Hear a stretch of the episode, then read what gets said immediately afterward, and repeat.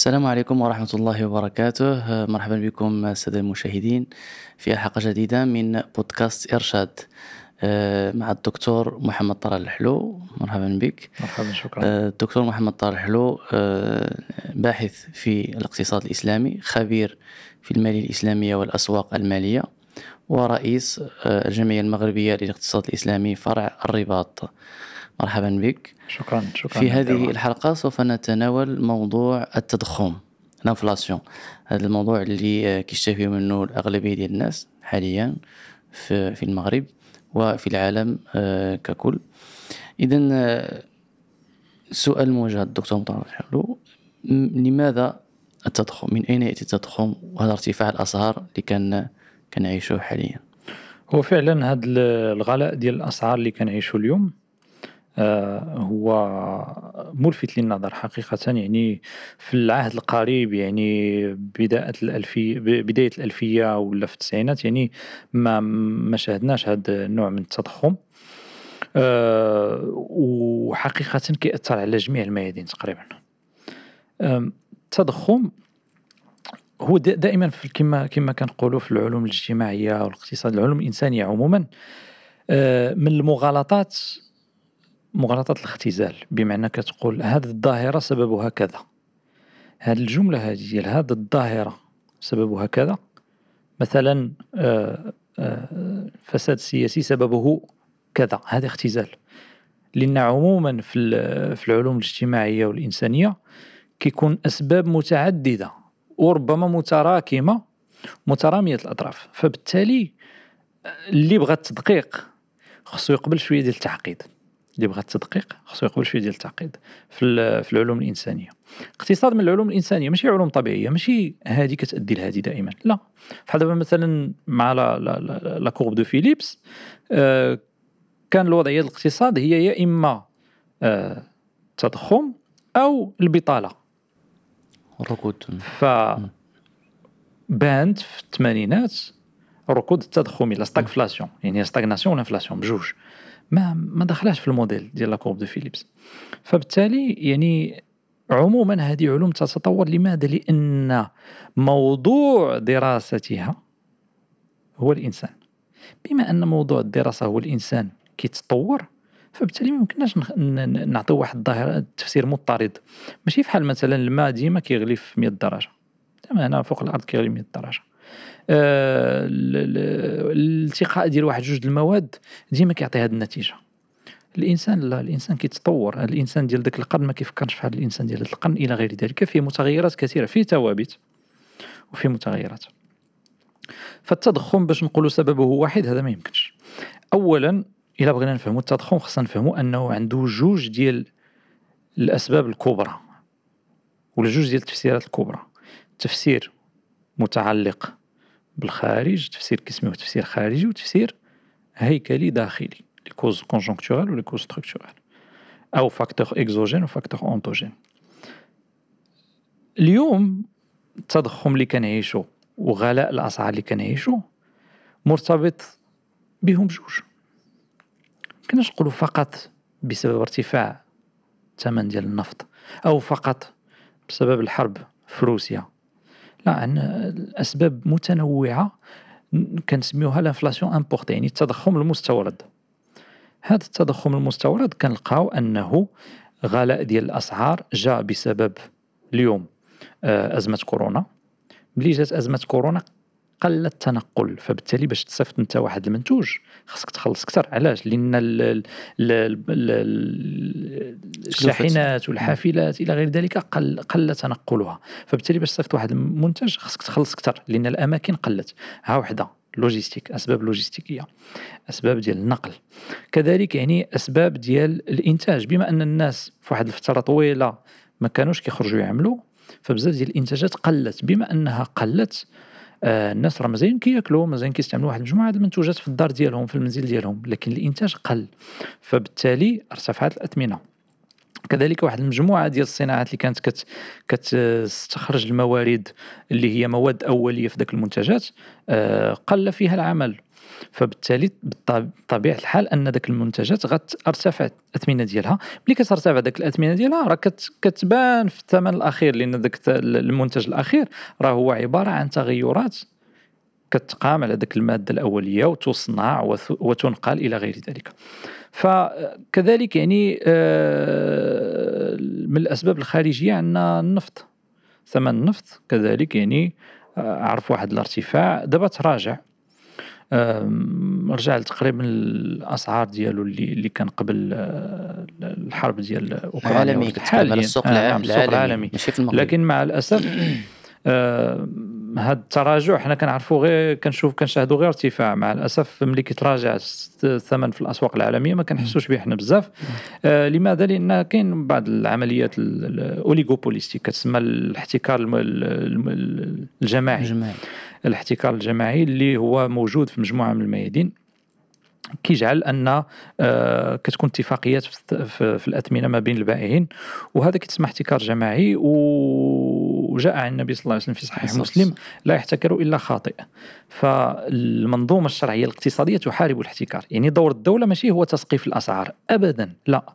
لأن تسقيف الأسعار قد يكون فيه ظلم للبائع. أما الدور ديال الدولة حقيقة هو توفير المنافسة الحقيقية. يعني اللي بغى يدخل في واحد السوق يقدر يدخل له آه بشرط أنه ما يضرش المستهلك بمنتوجات ضاره للصحه أو غير ذلك. ولكن تسهيل آه إمكانية الدخول للسوق لتكون هناك يعني منافسة حقيقية وعدم اتفاق ما بين البائعين. باش ما يكونش هناك احتكار ملي كتكون المنافسة كينقصوا الأثمنة. من الأسباب الرئيسية الأثمنة كتنقص هي المنافسة. المنافسه كما كندرسوا في علوم الاقتصاد الجزئي لا ميكرو ايكونومي اللي كيربح فيها في الاخير هو المستهلك. كذلك من الأسباب الخارجية عندنا النفط عندنا كذلك الحرب اللي وقعت في اللي واقعه في روسيا وأوكرانيا. فكوفيد الحرب النفط التذبذبات ديال يعني هادو كلها كتسمى l'inflation importée هادو c'est des facteurs exogènes هذه عوامل conjoncturelles كتسمى عوامل مرحلية. هذه ماشي عوامل دائما غتكون. الحرب ماشي ديما كاينة ارتفاع أسعار النفط ماشي دائما كاين. آه أزمة كوفيد ماشي دائما كاينة. فبالتالي هذه أشياء مرحلية خارجية ومرحلية. ثم كاين الجزء الثاني الكبير ديال الأسباب هو الأسباب الهيكلية الداخلية. وهذه الأسباب الهيكلية الداخلية متعلقة مثلا بقلة المنافسة في السوق. ملي كتكون المنافسة قليلة في واحد السوق طبعا لوليغوبول المونوبول كيرفع الثمنات لوليغوبول هو نوع من المونوبول المشترك. فكيتفقوا على الأثمنة كيرفعوا كيرفعوا الثمن يعني مجموعة ديال الشركات عندها نفس المجال آه. كتتفق فيما بيناتها على واحد السعر مرتفع. طبعا هذا مناقض المنافسة العادلة والشفافة والمفتوحة. هذا مناقض. هذا هذا من ناحية ديال الاقتصاد الجزئي. تقريبا كيعطيك نفس اذا كان اتفاق ما بين المتنافسين كيعطيك نتيجة المونوبول. إلا إلا كان تنافس في لوليغوبول إلا كانوا غير جوج كافي ولكن خص يكون بيناتهم تنافس حقيقي آه، نقولوا تقريبا شبه عداوه اقتصاديه لكن كتبقى الأخوة الإسلامية. طبعا لكن خص يكون تنافس. يعني هذاك نقص الثمن هنا أنا غنقص هنا. هذاك دار منتوج جديد أنا ندير منتوج جديد. هذاك جاب جاب يعني واحد العلبة آه، أكثر فعالية أنا ندير علبة أكثر فعالية. هادشي كيتنافسوا فيه اللي كيربح من هادشي هو المستهلك. فمن الأسباب الداخلية كذلك قضية خلق الائتمان. وهذه نقدو نقولوا أنه من الأسباب اللي هي في نفس الوقت هيكلية ومرحلية.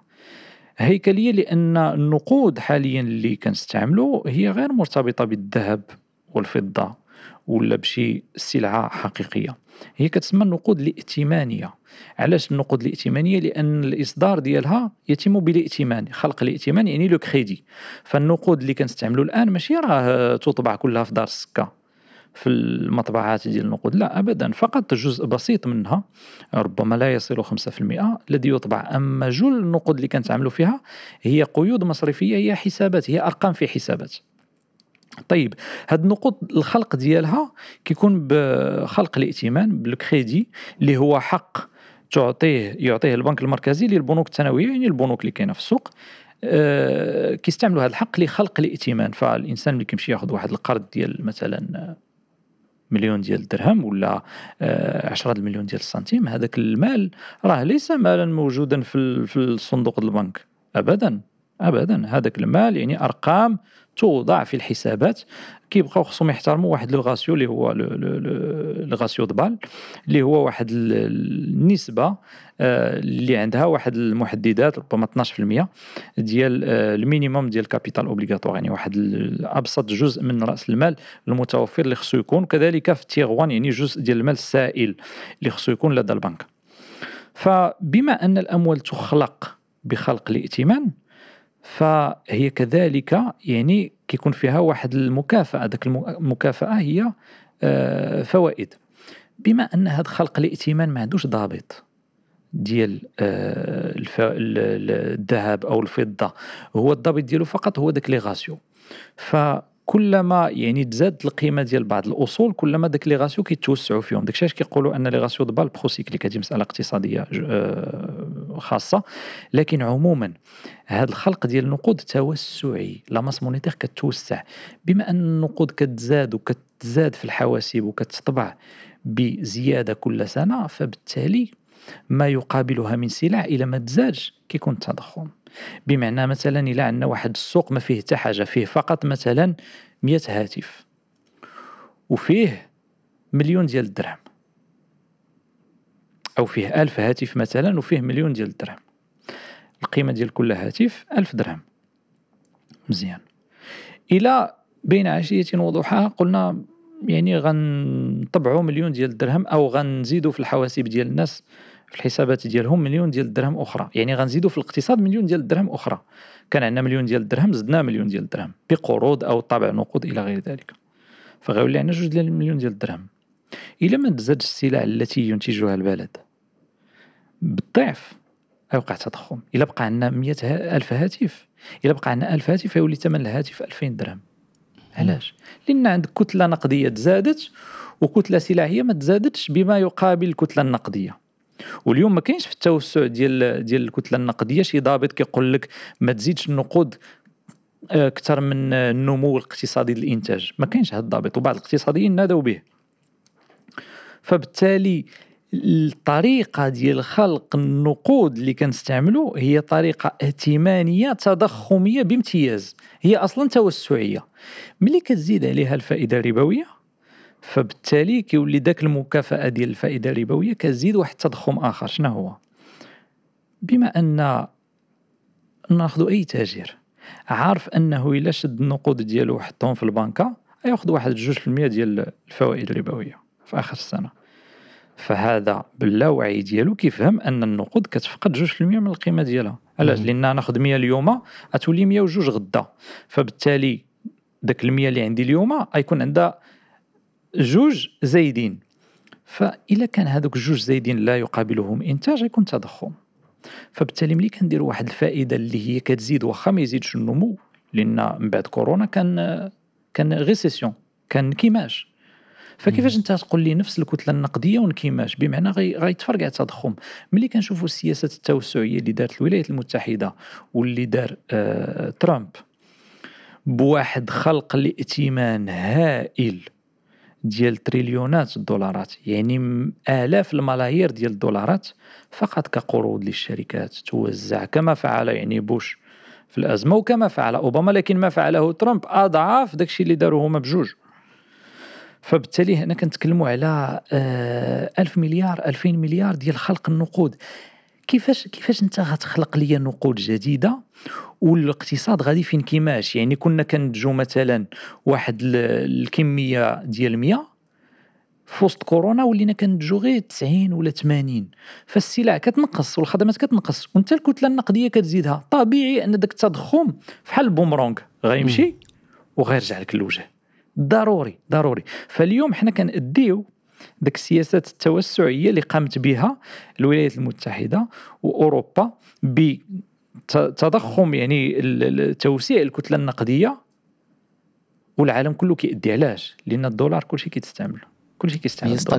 اللي فبالتالي هو كاين دابا حنا كنعانيو من stagflation ولكن المشكل أنه ملي كتكون واحد الدولة مثلا ناخذ تركيا.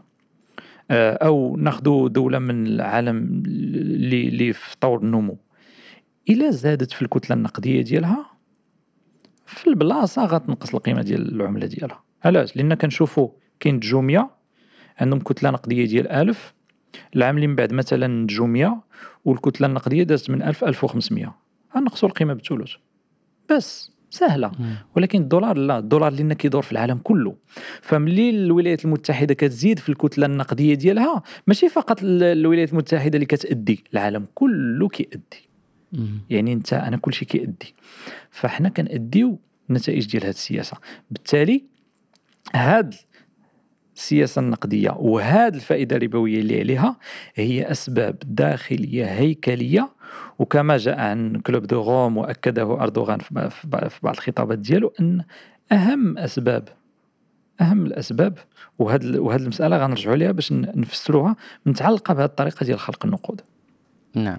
غادي نرجع للمسألة ديال العلاقة ديال الفوائد بالتضخم ولكن نطرحوا السؤال الآن لا كنسمعوا فائدة أو سعر الفائدة المرجعي. يعني دائما الناس كي كيشدوا الأنظار لهذه المسألة هذه والبنوك المركزية دائما تغير من سعر الفائدة إما زيادة أو نقصانا. فلماذا التغيير وما هو أثره على على النمو الاقتصادي؟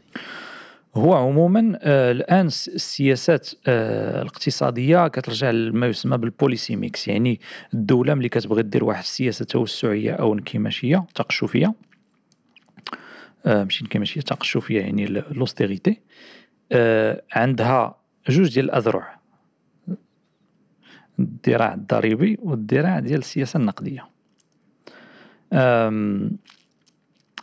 ملي كنتكلموا على سعر الفائدة المرجعي le taux directeur البنك المركزي شنو كيدير؟ ملي كتكون ملي كيكون نمو وكيكون طلب كثير آه كيكون خطر ديال التضخم. يعني ملي كيكون الطلب كثير والعرض قل كيولي الأسعار كتزيد كتزاد.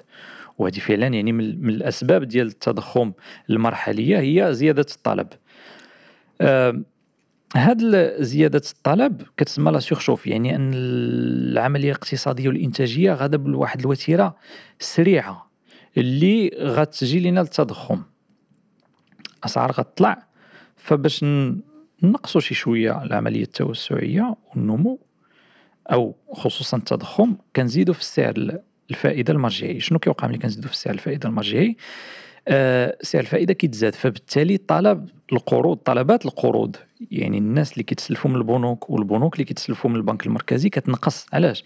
لأن داك الفائدة اللي غتأدي على القرض كتزاد. كانت مثلا 2% غتولي جوج ونص اذا كتولي تحسب حساباتك. شحال من واحد اللي كان عنده مشروع ربما مجدي في المية بجوج ونص في المية ما غيدخلش في, في النفقات ديالو فكيحبس المشروع.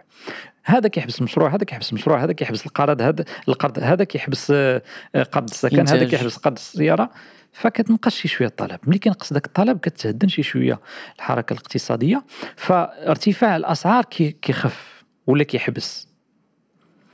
هذه سياسة يعني تقشفية لوستيغيتي هاد سعر الفائدة كذلك ملي كتبغي البنوك واحد السياسة توسعية باش تنقص آه، البطالة مثلا باش تزيد في الطلب كيكون الأمور كيكون الإنتاج والعملية الاقتصادية كيكون واحد شوية الركود كتبغي دير واحد الدينامية واحد الحركة واحد الحيوية. فكتنقص من سعر الفائدة. كيكون جوج كدير له واحد ونص في المية مثلا ولا واحد. فكيوليو بزاف د المشاريع اللي ما كانوش مجديه بجوج في المية كتولي مجديه بواحد ونص ولا بواحد في المية. فكيمشي هذا وهذا وهذا وكيطلب قرض. ربوي طبعا. فكيتزادوا مجموعة المشاريع ومجموعة الاستثمارات في الاقتصاد. فكتحرك كينتعش الاقتصاد فبهذا الانتعاش كيوليو يعني وظائف جديدة كيولي طلب جديد كيولي استثمار جديدة بناءات جديدة مرافق جديدة آه، بنيات ووحدات إنتاجية جديدة خدمات جديدة. فهادو هما السياسات اللي كتستعملها البنك المركزي في زيادة سعر الفائدة المرجعي أو نقصان سعر الفائدة المرجعي اللي كيأثر على الأسعار يا إما زيادة أو نقصان يعني علاقة عكسية. بغيتي تنقص الأسعار كتزيد في سعر الفائدة. بغيتي يعني تزيد في الأسعار وتزيد في الحركة كتنقص سعر الفائدة باش الناس كيتسلفوا أكثر هذا طبعا من منظور الاقتصاد الوضعي الغربي الربوي.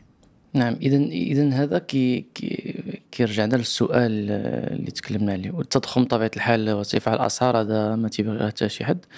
و وسمعنا أنك تكلمتوا على علاقة الربا اللي هي الفائدة بالتضخم فما هي هذه العلاقة؟ علاقة الأب مع الإبن. هي علاقة حقيقة. آه، تخفى على كثير من الناس. ولكن يعني كما جاء عن كما قلنا عن كلوب دو غوم وأكده مجموعة من الخبراء الاقتصاديين آه، أهم أسباب التضخم هو الفائدة الربويه علاش؟ لأن الأسباب الأخرى مرحلية كما قلنا أزمة حرب آه، مشكل سياسي زيادة الطلب. هذه اسباب مرحلية ستتجاوز. أما طريقة خلق النقود وطريقة العمل في الاقتصاد بسعر الفائدة هذه واحد المسألة اللي كاينة كل سنة وكل سنة غتكون سعر الفائدة مطبق على الاقتصاد ومطبق على الأفراد. بالتالي شنو كيوقع؟ ملي كيمشي واحد حامل مشروع واحد المنتج غيدير واحد المنتوج بواحد القرض. غيتسلف مثلا واحد 100 مليون غيدير العملية الإنتاجية ديالو. ولكن داك الإنتاج ديالو ربما يكلفو 100 مليون ديال النفقات ديال المادة الأولية الكراء المكان آلات. ولكن ما يكلفوش 100 مليون يكلفو ربما 110 ولا 120 لأن غيسدد القرض على مثلا خمس سنوات. وبواحد نسبة الفائدة اللي هي 5% دونك إلا درنا واحد التراكم واخا في الاقتصاد ما كنزيدوش النسب ولكن إلا درنا واحد التراكم يقدر يتقام عليه بواحد 25% داك القرض على خمس سنوات 5% في السنة. فبالتالي المنتوج ديالو اللي غينتج ما تقامش عليه 100 مليون تقام عليه 125 مليون. وبالتالي شنو كيوقع؟ فاطمة يبيع مثلا داك مجموعة المنتوجات اللي اللي انتج يبيعها ب 125 مليون ويربح فيها 125 يبيعها ب 150 باش يربح هو 25 ديالو مثلا. فغيتسلف 100 وغيعطي 25 للبنك وغيربح هو 25 دونك المنتوج للزبون الأخير بشحال تقام؟ تقام عليه 150 وكان يمكن له يتقام 125 لو كان هناك تمويل مثلا إسلامي مثل المشاركة أو المضاربة إلى غير ذلك. فهذه وحدة. الفائدة الربوية كتجعل أن السعر الأخير ديال المنتوج الأخير تضاف إليه الفائدة الربوية يعني كيتزاد الثمن. المسألة الثانية في الاستهلاك هذا كيزيد الأسعار على الناس. لماذا؟ الإنسان الغني اللي مسك عليه الله بواحد الرزق إلا بغى يشري واحد الشقة مثلا كدير واحد 100 مليون. عنده 100 مليون في الحساب يجبد الشيك ويخلص 100 مليون. شحال تقامت عليه الشقة؟ 100 مليون. لكن هذاك اللي غيمشي للفائدة الربوية عنده واحد الشقة اللي غياخدها يخلصها ربما على 10 سنين ولا 20 سنة. نسبة الفائدة نقولوا عاوتاني 5% 5% على 10 سنين ربما تسالي به ل 50% فالمنزل ما غيتقامش عليه ب 100 مليون غيتقام عليه 150 مليون. هو ذاك ال 50 مليون الإضافية راه خصو يجبدها يجبدها من العمل ديالو. يجبدها من التوفير ديالو يجبدها من إلا كانت عنده شي شي مدخرات ولا شي أشياء اللي بيعها يقدر يبيعها. فبالتالي في العملية الإنتاجية كيتزاد الثمن لأنه يضاف إلى ثمن السلعة الأخيرة وفي العملية الاستهلاكية كيتزاد الثمن كذلك لأن في آخر المطاف المستهلك اللي هو عامة الناس كي اللي كيتسلفوا من البنوك راه كيسددوا واحد الفائدة ربوية. فكيتقام عليه السلعة أغلى أغلى. إلا جينا نشدو هادشي من الناحيه الماكرو اقتصادية. الإنتاج الفائدة كتزيد لنا بالثمن وفي الاستهلاك الفائدة كتزيد لنا الثمن فبالتالي كاين واحد العلاقة مضطرده ديال آه، زيادة الأثمنة في السوق بسبب الفائدة. مسألة ثالثة متعلقة بسبب نقدي محض. ملي كتكون واحد سعر الفائدة. كيكون عندي مثلا أنا واحد المدخرات مثلا نقول واحد العشرة المليون. هاد العشرة المليون أنا كنعرف أن بسبب التضخم راه العام التالي غتولي تسوى غير 9800 غتولي عندها القوة الشرائية ديال 9800 درهم ديال هاد السنة. علاش؟ لأن إلا حطيتها في البنكة ربما يعطيوني جوج في المية. دونك غنحطها في البنكة مثلا 10 مليون غتولي آه 10 مليون و 2000 درهم. 102000 درهم 100000 درهم و 2000 درهم. فبالتالي هذيك ال 2000 درهم منين جات؟ جات من الفوائد الربوية. بما أنها جات من الفوائد الربوية كل شيء كيستحضر أنه كاين تضخم ديال جوج في المية والبنكه كتعطي جوج في المية في ال في ال في, ال في الحسابات. فبالتالي كل شيء عارف باللاوعي ديالو أن النقود تفقد من. قيمتها. ولذلك التعريف الاقتصادي ديال التضخم شنو هو؟ هو l'augmentation soutenue et durable du niveau général des prix. يعني الزيادة المضطردة والمستد... والمستدامة العامة في الأسعار. أنا عندي واحد التعريف اللي هو أظنه أدق. التضخم في الوضع الحالي بالنقود الحالية ماشي هو ارتفاع الأسعار. التضخم هو النقصان العام والمضطرد في القدرة الشرائية للنقود. بمعنى التفسير الحقيقي للتضخم. ماشي هو اللي كنقراو في كثير من الكتب الاقتصاد مع الأسف. ماشي هو زيادة الأسعار. لأن إلا جينا ناخذ بالذهب الأسعار الأشياء لا تتغير كثيرا. النبي صلى الله عليه وسلم أرسل. عروة البارقي ليشتري له شاة. شنو عطاه؟ عطاه دينار. دينار شنو هي؟ 4 4 الغرامات وربع 4.25 غرام دور يعني هي القيمة ديالها نقدروا نقولوا واحد ل 2000 درهم. 2000 درهم. باش يشري له شاة 2000 2500 هذه 14 القرن. اليوم الشاة بشحال الثمن ديالها؟ نفس الثمن مم. 2000 2500 درهم تشري خروف عادي. عادي جدا. عروة البارقي ملي مشى لقى همزة. لقى جوج بداك الثمن شي واحد كان عنده شي سبب ولا شي ظرف باعهم له جوج. فشرا جوج؟ ملي كان راجع لقى واحد بغى يشري من عنده شاة باعها له بدينار. فملي جا عند النبي صلى الله عليه وسلم جاب له دينار وشاة قال له بارك الله لك في صفقة يمينك. فطرح له الله البركة حتى كان إذا تاجر في التراب ربح سبحان الله العظيم. آه هذا ال- هذا ال- الشيء هذا شنو كيبين لك؟ كيبين لك اولا الثمن في ذاك الوقت ديال الشاة هو ما بين دينار ونصف دينار يعني ما بين واحد 1500 درهم و 3000 درهم. ولا ما بين 1250 و 2500 اليوم الخروف الصغير ال- ال- ال- البسيط كيبدا بهذا الثمنات ب 1250 ب 1500 درهم الخروف. في العيد قالوا 800 ولكن ما لقى حتى واحد هذاك ديال 800 ف ف هذه هي الثمنات. اليوم بعد 1400 سنة ولا 1440 سنة مازال هو الثمن ديالو. فالثمن الخروف ما تزادش بالذهب ولكن سبحان الله العظيم تزاد. بالنقود. علاش؟ لأن النقود منذ إصدارها هذه النقود الورقية منذ رفع الغطاء الذهبي عنها في 1971 بعد قرار نيكسون فقدت تقريبا 90% من القيمة ديالها. فقدت تقريبا 90% سواء الجنيه الاسترليني الدولار كلهم تقريبا فقدوا 90% من القيمة ديالها. فملي كتشوف هذا الشيء هذا كتشوف أن التضخم ماشي هو زيادة أسعار الأشياء.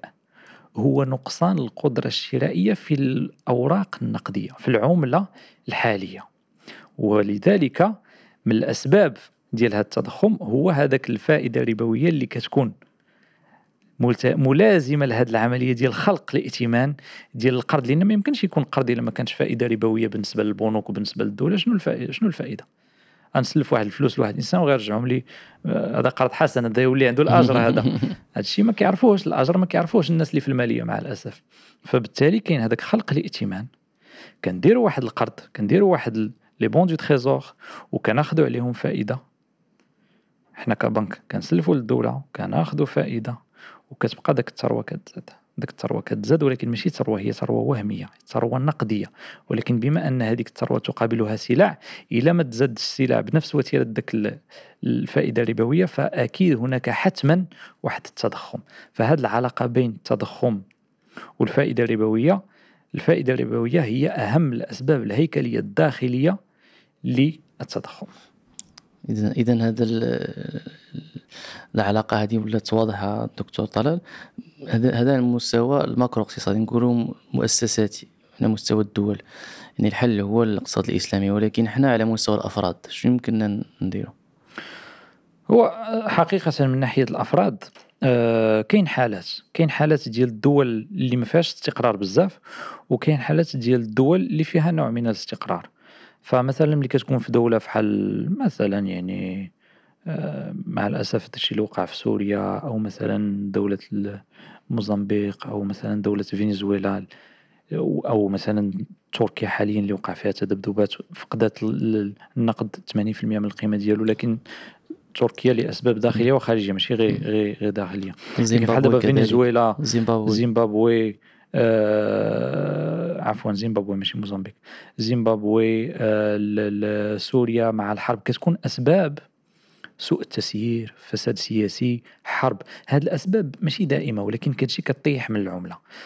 باش يحمي راسو الإنسان من هذه المسألة عنده طرق متعددة. آه، ممكن يستثمر مثلا في سلاح حقيقية بحال العقار بحال الذهب. آه، الذهب آه، بحال الفضة بحال ربما يعني إذا كانت شي شركة معروفة واسهم ويجوز التعامل بها ربما أسهم. ف هناك حلول ليحافظ على الاستقرار خصوصا على المدى الطويل على ما تدوز هذه الظرفية ديال الحرب أو الفساد السياسي أو أو أو. أما اذا كان في واحد الدولة اللي المفروض يعني العملة ديالها قليلة التذبذب بحال عموم الدول فهذه يعني الأصل فيها أن العملة تحافظ على على استقرارها على المدى المتوسط. على المدى البعيد لا. على المدى البعيد يعني غتفقد واحد 20 ولا 30 ولا 40% ديال ديال القيمة. والآن مع أزمة كورونا هذه طبعا أزمة ماشي حالة استقرار. كورونا راه أزمة الحرب أزمة. فبالتالي هنا ما يمكنش الإنسان في الأول يتنبأ بها لأن لا يعلم الغيب إلا الله. فبالتالي يقدر يدير واحد الجزء من المدخرات ديالو في آه يعني بقع أرضية صغيرة أو يعني سلع حقيقية مثل الذهب آه بشرط أن يزكيه. أو مثلا يعني آه أسهم إذا كانت شركات يعني مقبول العمل فيها. إلى غير ذلك من الأشياء التي هي تمثل اقتصادا حقيقيا ماشي عمله نقدية وهمية ربوية. هذه بعض الحلول وطبعا هناك حلول أخرى. نعم كنشكرك دكتور محمد طلال حلو على كل هذه المعلومات القيمة ونضرب لكم موعدا آخر إن شاء الله في حلقة أخرى. فجزاكم الله خيرا. آه، أعزائي المشاهدين شكرا على حسن استماعكم ونضرب لكم موعدا إن شاء الله في حلقة أخرى من بودكاست إرشاد. والسلام عليكم ورحمة الله وبركاته.